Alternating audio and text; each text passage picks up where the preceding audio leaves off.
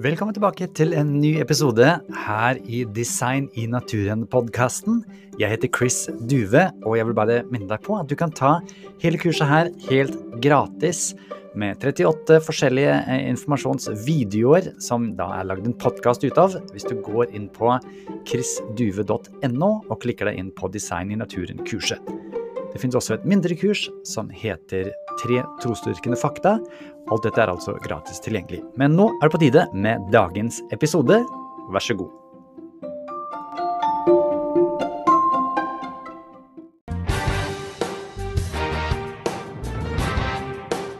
Yes, so welcome back to you, Dr. Stephen Meyer. Um, uh, you know, we're going to get into a little bit more of science stuff now. So it'd be great to just hear what is actually your scientific background? Well, right. I uh, did a double major at university in physics and uh, earth science. Uh, and also at the time took uh, what in the United States universities is called a minor in uh, philosophy. And I worked for four years as um, an exploration geophysicist, combining the earth science and the physics in um, in an industry capacity. I was doing um, digital signal processing of uh, seismic data. It was an early form of information technology being used to discern the structures, the the uh, sedimentary structure of the, the, the subsurface of the Earth, um, and uh, uh to discover in, oil, right? I was we're looking for oil. Yeah, oil this is what we yeah, in Norway. You know, it's the big question: Where's the oil? Where's the oil? No, no. Norway is one of the great oil-producing countries in the world. Absolutely, the North Sea. Yeah, very good. But we're yeah, all so, going electric now, so we actually move. Well, right. Well, we have electric too. Yeah, electric cars and uh, Tesla and all of that. Um, so uh, that was um, where I started out, and uh, in uh, near the end of my my fourth year working in industry, I received a Rotary Fellowship to uh, study in Cambridge in the Department of History and Philosophy of Science. So I did a one year master's there, mainly in history of science with some work in origin of life biology, and then I ended up segueing from that to do a PhD in the philosophy of science. Um, on the topic of origin of life biology, looking at the, the methodology of um, historical scientists, sciences like evolutionary biology and origin of life studies, and also looking at the, uh, the actual scientific content of uh, then current theories about the origin of life. Um, so that was that was uh, and I did a PhD there and finished and uh, after that came back to teach at the university where I'd been an undergraduate for and I taught for 12 years doing uh, philosophy and philosophy of science courses and then in 2002 came full time to uh, Discovery Institute Center for Science and Culture, where I uh, am now directing its program on the C- Center for Science and Culture. We have all kinds of different things we do as part of that. Good stuff. Good stuff. And I think you've always loved science. From a very young age, I was fascinated with fossils and dinosaurs and trilobites and uh, prehistoric mammals. And uh, so I'm very interested in the historical sciences, but uh, took a great liking to physics when I got to got to university. The, and the earth science was very interesting, but it yeah. was um, it, it, didn't it didn't get to the funda- most fundamental principles of uh, of the of the physical world, and I was always drawn to the the, the intersection of math and and uh, and and the physical world. How you could use math to describe what was going on in nature that fascinated me. And it, that's a little bit the topic of what we're getting into now with physics, um, because uh, you know, one of the main arguments that you also have in your book uh, is that um, the universe had a beginning. So time and space and energy and all of that, you know, everything is expanding. So before it was smaller, smaller, smaller until it had a beginning. And uh, this is what I do usually with my kids when I talk about God or reasons to believe in God. I, you know, I take a balloon and I do exactly what you're doing also in your book. And uh, but at the same time, I'm starting to realize there's something that's called quantum physics. and in quantum physics, it seems like uh, time disappears somehow and the stuff isn't stuff anymore. And so you're kind of wondering did the universe really still have a beginning with all that we know today? Well, let's let's review first the evidence uh, from observational astronomy that has established that the universe, as best we can tell, did have a beginning, and then let's talk a little bit about what's called quantum cosmology, which is an attempt to circumvent that conclusion. um, in some in some models of it, but not on not in all, as it turns out, uh, and certainly not not in the technical papers that the quantum cosmologists write. It's very interesting. Um, but let's let's do the let's do the the, the basics first, and then the we'll real the, the, real world, the analog world that we know. Yeah, yeah. Let's look yeah, at that first. Yeah. So, okay. 1920s, the astronomers start getting indications of an expanding universe. They're finding that the that what they found was that the the light coming from distant galaxies is being stretched out. It has longer wavelengths than what you would expect if the objects in the night sky, the galaxies, were stationary in relation to us. So it's a kind of like the Doppler effect in with sound. If, tra- if a train is receding from us, the pitch of the whistle drops, no, no, and that no, corresponds to longer wavelengths. Okay, you get the same thing with light. The longer wavelengths correspond to the red end of the um, the uh, visible light spectrum. Um, red to, it goes. We shine light through a prism, separates into colors red to violet. So the redder light is the longer wavelength light. So the uh, the astrophysicist said that what we were seeing was evidence of red shift of light being stretched out, implying that the objects from which that light uh, was coming, the galaxies, were receding away from us. And as it became apparent that this was was uh, the case in all quadrants of the night sky, that almost all of the galaxies were receding away from us, that that created a picture of the universe that was expanding. Moreover, it was determined by Edwin Hubble and his colleague Humason that there was a linear relationship between the recessional velocity and the distance to those distant galaxies. So the further away they were, the faster they were receding. If they were closer, they were receding, but not quite so fast. So that gives you the picture of a kind of spherically ex- uh, symmetrical expansion, like a balloon, where the universe is expanding in the forward direction of time. Which now, I if think in your mind's eye, you- Einstein, didn't it? Uh, What's that? Einstein, I think he had problem. Like he didn't Einstein even write a, a mistake in his formula because he didn't want that to happen, or he was kind well, of shocked. Einstein's theory of general relativity had in its most natural its most natural implication uh, was that the universe was dynamic and expanding. His idea was that matter uh, curves space time. That if you have a massive body, that it will curve the fabric of space or space time because the dimensions are connected in his theory. Uh, and therefore, if the only force that was operating in the universe was gravity, we should have collapsed the whole universe should have collapsed onto itself in a giant black hole that space would become so tightly curved that there would no there would be um, nothing in the universe but a giant black hole. But we clearly don't live in such a universe. So there must be some other force an anti-gravity force pushing outward to compensate or to, to counteract gravity and therefore that implies a dynamic universe what einstein did was uh, because he was uncomfortable with the idea of a, of, a, of universe expanding outward from a beginning point, which was what was implied by the redshift evidence. He proposed that the outward pushing force causing the expansion, which he called the cosmological constant, was exactly equal in the opposite direction to the inward pulling force of gravity. So he could portray the universe as a kind of static state where the, the outward push and the inward pull were equipoised. They were they, they were in balance. And that eliminated the, the, the idea that of a dynamic universe expanding outward from a beginning. And therefore it eliminated the need to consider what might have caused the universe to come into existence. In fact, he thought that the initial idea of the Big Bang had been influenced by Christian theology rather than by science, and so he objected to it on that those grounds. At the time, he was very much a materialist in his philosophy of the same thing, and so in 1931, Einstein went out to the the uh, the uh, to the Mount Wilson Observatory in Southern California at the invitation of Hubble and observed the evidence of the redshift for himself. Two weeks later, he gave an interview to the New York Times in which he acknowledged that he was wrong, that Humason and Hubble had proven that the universe was dynamic, it wasn't static, and that indeed it had a beginning. Later, he said that his attempt to fiddle with the value of the cosmological constant was the greatest blunder of his scientific career. So he came around, and by the 1930s, you had this uh, testimony of both observational astronomy and theoretical physics pointing to the, a beginning to the universe. And that became known as the Big Bang Theory.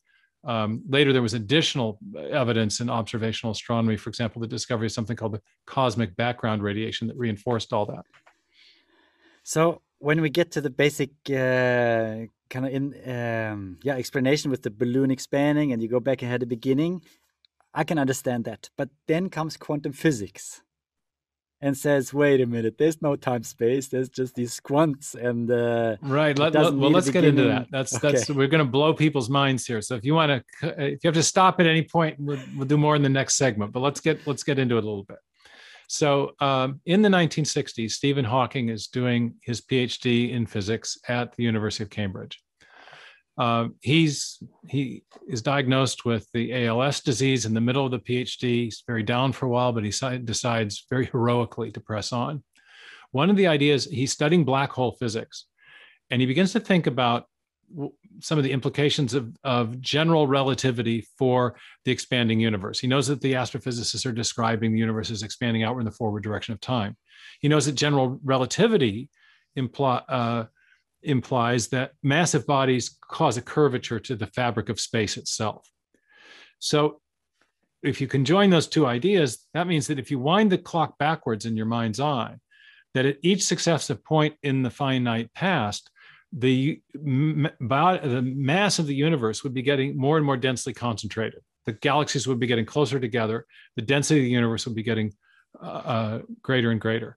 At some point in the finite past, Hawking realized that the, the, the, the density of matter would, would cause the curvature of the universe to become so tight that it would reach a limiting, a limiting value, eff- effectively an infinitely tight curvature, marking the beginning of the expansion of the universe and arguably the beginning of the universe itself. It was a picture of the universe coming out of literally no space. Infinitely tight curvature corresponds to zero spatial volume. So it's a picture of all everything coming out of nothing, essentially. Um, now that's a pretty troubling conclusion if you're a physicist and you want to explain everything by reference to physics and chemistry or by reference to some material cause. And uh, so Hawking initially, after his PhD, proved a number of singularity theorems, working with Roger Penrose and then with George Ellis. But uh, even in his work in 1973 with Ellis, acknowledged that there could be a loophole in the very tiniest smidgens of space, uh, as you as you back extrapolate, um, uh, the general uh, general relativity may not apply. There may we may need something called a quantum theory of gravity. In other words, a different kind of theory of gravity. There could be quantum fluctuations in the, in the, in the tiniest recesses of space inside a period of time called Planck time, a very small 10 to the minus 43rd of a second. So the, the amount of space that's created in 10 to the minus 43rd of a second in that tiny smidgen of, space, we, uh, the, the, the quant- physics of the very weird, the quantum physics now kind of takes over. We need to consider what quantum physics would have to say about gravitation and how gravity would work in that small smidgen of space. And therefore, we may not be able to back extrapolate all the way to the absolute beginning point. Okay, that's the idea. Now, Hawking ends up developing that in 1988. Well, first in 1983, in a technical paper written with James Hartle, a professor from the University of California in, in uh, Santa Barbara. And then he elucidates that idea in a technical or in a popular book in 1988 called A Brief History of Time. And part of that was the idea that uh, in the ma- as you describe the the space-time geometry of the universe, uh, and to do it accurately, uh, you need to use a, a, mathematical transformation called a Wick rotation, which converts the description of the universe into the complex domain of imaginary numbers, in, in, in particular imaginary time. Now, in that intermediate step in the transformation um, that Hawking is accomplishing with this you know, use of the uh, the wick the wick rotation, as it's called, uh, the universe at that point can be depicted as lacking a time dimension and therefore lacking a big there's no evidence uh, there's no it, it can no longer be depicted as having a beginning because there's no time dimension in that use of imaginary time he then converts, finishes the transformation, converts the description back into real time, and what's called the singularity reappears. And he acknowledges that. Now, Hawking, in his popular book, made a big deal out of the, in the this intermediate step that it suggested a universe without a beginning. It was bounded, but didn't have a beginning point in time. And he said, Well, if that's the case, then he says, What need then for a creator? He says that directly. He does it was a famous quotation. It was picked up yeah. by the world press all over the place. But he's the, the, the statement is based on the conclusion that there's no beginning to the universe. And that's that is a an implication of uh, a mathematical description of the universe that has no physical meaning. Uh, there is no it, the imaginary domain does not apply it, it can't be used to describe the universe as it actually is it's a math it's an intermediate mathematical step in a calculation that allows mathematicians to generate a conclusion that they couldn't have gotten without the use of these mathematical uh, this mathematical apparatus and, and hawking himself calls it a mathematical trick and acknowledges that it has no physical meaning but he draws a metaphysical implication from the mathematical description that lacks physical meaning. And, um, and so there's a bit of sleight of hand there. And um, he acknowledges that when you complete the transformation and come back into the real domain, then the, the depiction of the universe again implies a singularity at the beginning. So that's one, that's one aspect of all this. So still, even with quantum physics, when you reduce everything, you still get a starting point you still have a starting point. Now, that becomes even more apparent when you read Hawking's technical papers with Hartle and the technical papers of the other quantum cosmologists, Alexander Vilenkin in particular. In the technical papers, a, co- a, a cosmological singularity is presupposed in all of the accounts of the origin of the universe. So the singularity doesn't actually doesn't go away in quantum in, in quantum cosmology. In the technical work, it's still there. This was something that Hawking only floated as an idea in a popular presentation in his 1988 bestseller. Uh, but it's not the, he doesn't even attempt to make this argument in his own technical work so, because the, the basic approach of quantum cosmology what the quantum cosmologists are trying to do is something actually quite different than get rid of the singularity they're trying to explain the origin of the universe as a quant uh, as a consequence of underlying quantum an underlying theory of quantum gravity, which is expressed mathematically in a particular way. It's, in other words, they want the universe to, in some way, come out of nothing physical, but come out of the laws of physics. That the laws of physics explain how the universe could have come out of literally nothing. That's essentially that's the real program. And so, th- what they do is they import mathematics from ordinary quantum mechanics, and um, they have an in ordinary quantum mechanics. There's this famous equation called the Schrodinger equation, and when the Schrodinger equation is solved, you get what's called a, a wave function, which just gives you a, a, way of calculating the probability of finding a particle at any given time in an experiment before an observation is made. And they import this mathematics into the cosmological context to describe, uh, in, in hopes uh, that they can generate a universal wave function that will describe all the possible universes that might emerge out of the singularity. Uh, different possible universes with different gravitational fields, different configurations of matter, and different three-dimensional topologies of shape uh, of space. So the universal wave function describes all the different possible universes that might exist. But the, here's the a couple problem a couple problems with then presenting that as a materialistic explanation for the origin of the universe. The idea is that if our universe is one of the universes described by the universal wave function. And that wave function is always represented with the Greek letter psi, by the way. That's why I keep going like this. Okay. So you've got psi representing all these possible universes. If ours is one of the universes described by psi, then the quantum cosmologist will say, haha, we've explained the origin of our universe. It's a consequence of the underlying mathematical laws of quantum gravity. That's, that's what they're really trying to do. But there's a problem with presenting this as an explanation a materialistic explanation for the origin of the universe. And one of the great quantum cosmologists, one of the great physicists who's worked on this, Alexander Vilenkin, has noted this. He said, um, before there's matter, space, time, and energy, what, what tablet could these laws have been written on? I mean, after all, the laws of physics describe how matter and energy interact with each other in pre-existing space. They don't tell us where space, time, matter, and energy came from. So what are where exactly are the laws of physics before there's a physical world to describe? Um, he says they're purely mathematical, but mathematics, he says, is the domain of the mind, of the mental. So he says, does that mean we're really saying that a, a mind predates the origin of the universe?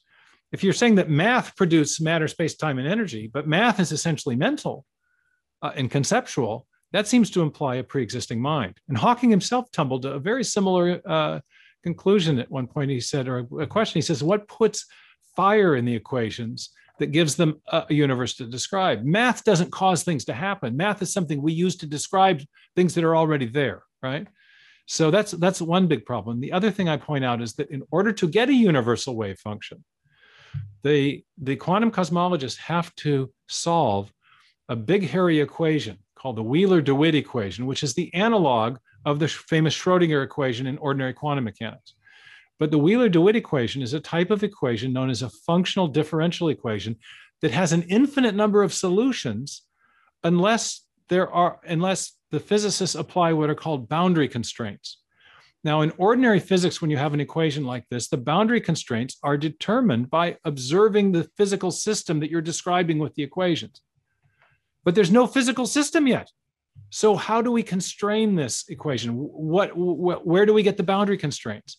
Well, it turns out that they're chosen by the theoretical physicists, by the quantum cosmologists, with an end in mind with the with the idea of getting a universal wave function that includes a universe like ours with physics that matches our universe. So there's this is an end-directed teleological modeling of the origin of the universe where the intelligence of the theoretical physicist is constraining the degrees of mathematical freedom designing to get to get an outcome. It's intelligent design. They're modeling intelligent design. yeah. The need for mind to input information. Anytime you say, I want this mathematical expression, not that, I want the system to be constrained in this way and not that way, you're imparting information. So they're modeling one of the great principles of the theory of intelligent design, which is that it takes a mind to input information. They're inputting information into the mathematical apparatus that they use to model the origin of the universe. And only if they do that will they get a, a, a, universal wave function that includes a universe that has physics that matches ours. You have to have information to get a highly specified universe of the kind that we live in. I think this is always what I always try to teach my kids too that a good test for any truth is actually reality. And it seems like the more people fickle with reality, the more they kind of almost forced to get more truthful, you know? Well, there is a huge amount of the construction of sort of mathematical castles in the air in in theoretical physics as we're thinking about big heavy subjects like the origin of the universe. How could there be uh, how could it be otherwise? I mean there's, there's nothing wrong with that. But the point is that we're not actually thereby producing a materialistic account of the origin of the universe. Before there was the material the, the material universe of matter space time and energy. According to quantum cosmology there was math. But math is uh, is immaterial. It's conceptual. It's mental. And in fact there's a very particular kind of mathematical uh, description that's necessary to show where, how we got our universe but when you say a particular mathematical description you're saying a mathematical description that is chock full of information. It's an information it's an informative description of what would be necessary to bring our universe into existence.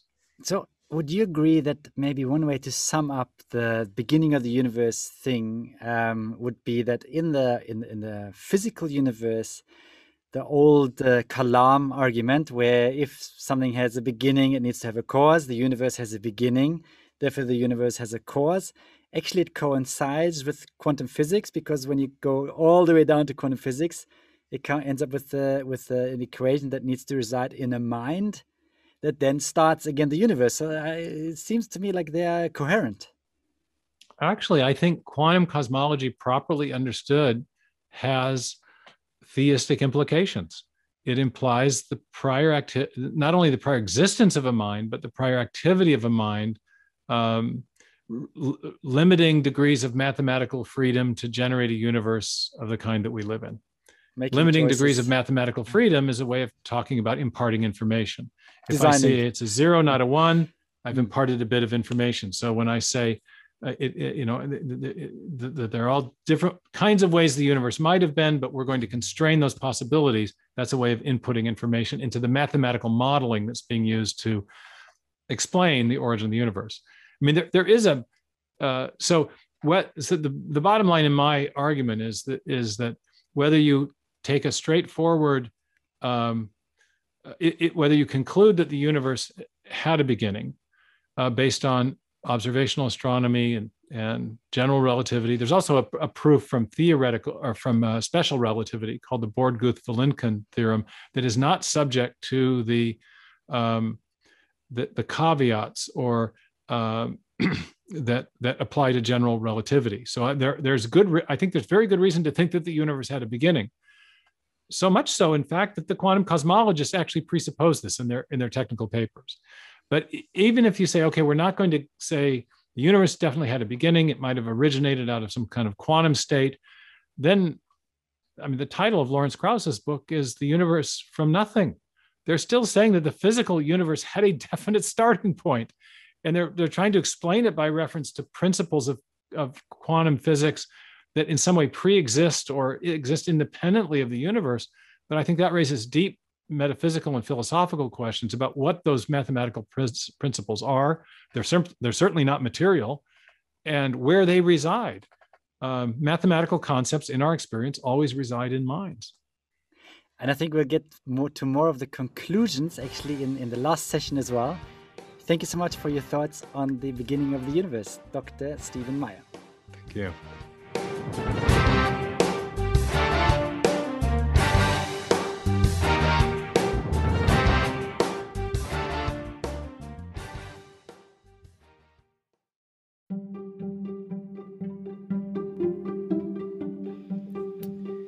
Igjen, dersom du ønsker å få tilgang til de hjelpearkene eller oppgavearkene, så er det jo fullt mulig for deg å signe opp til kurset. Da går det an å laste det ned. Hvis du går inn på chrisduve.no, så ser du all informasjonen der.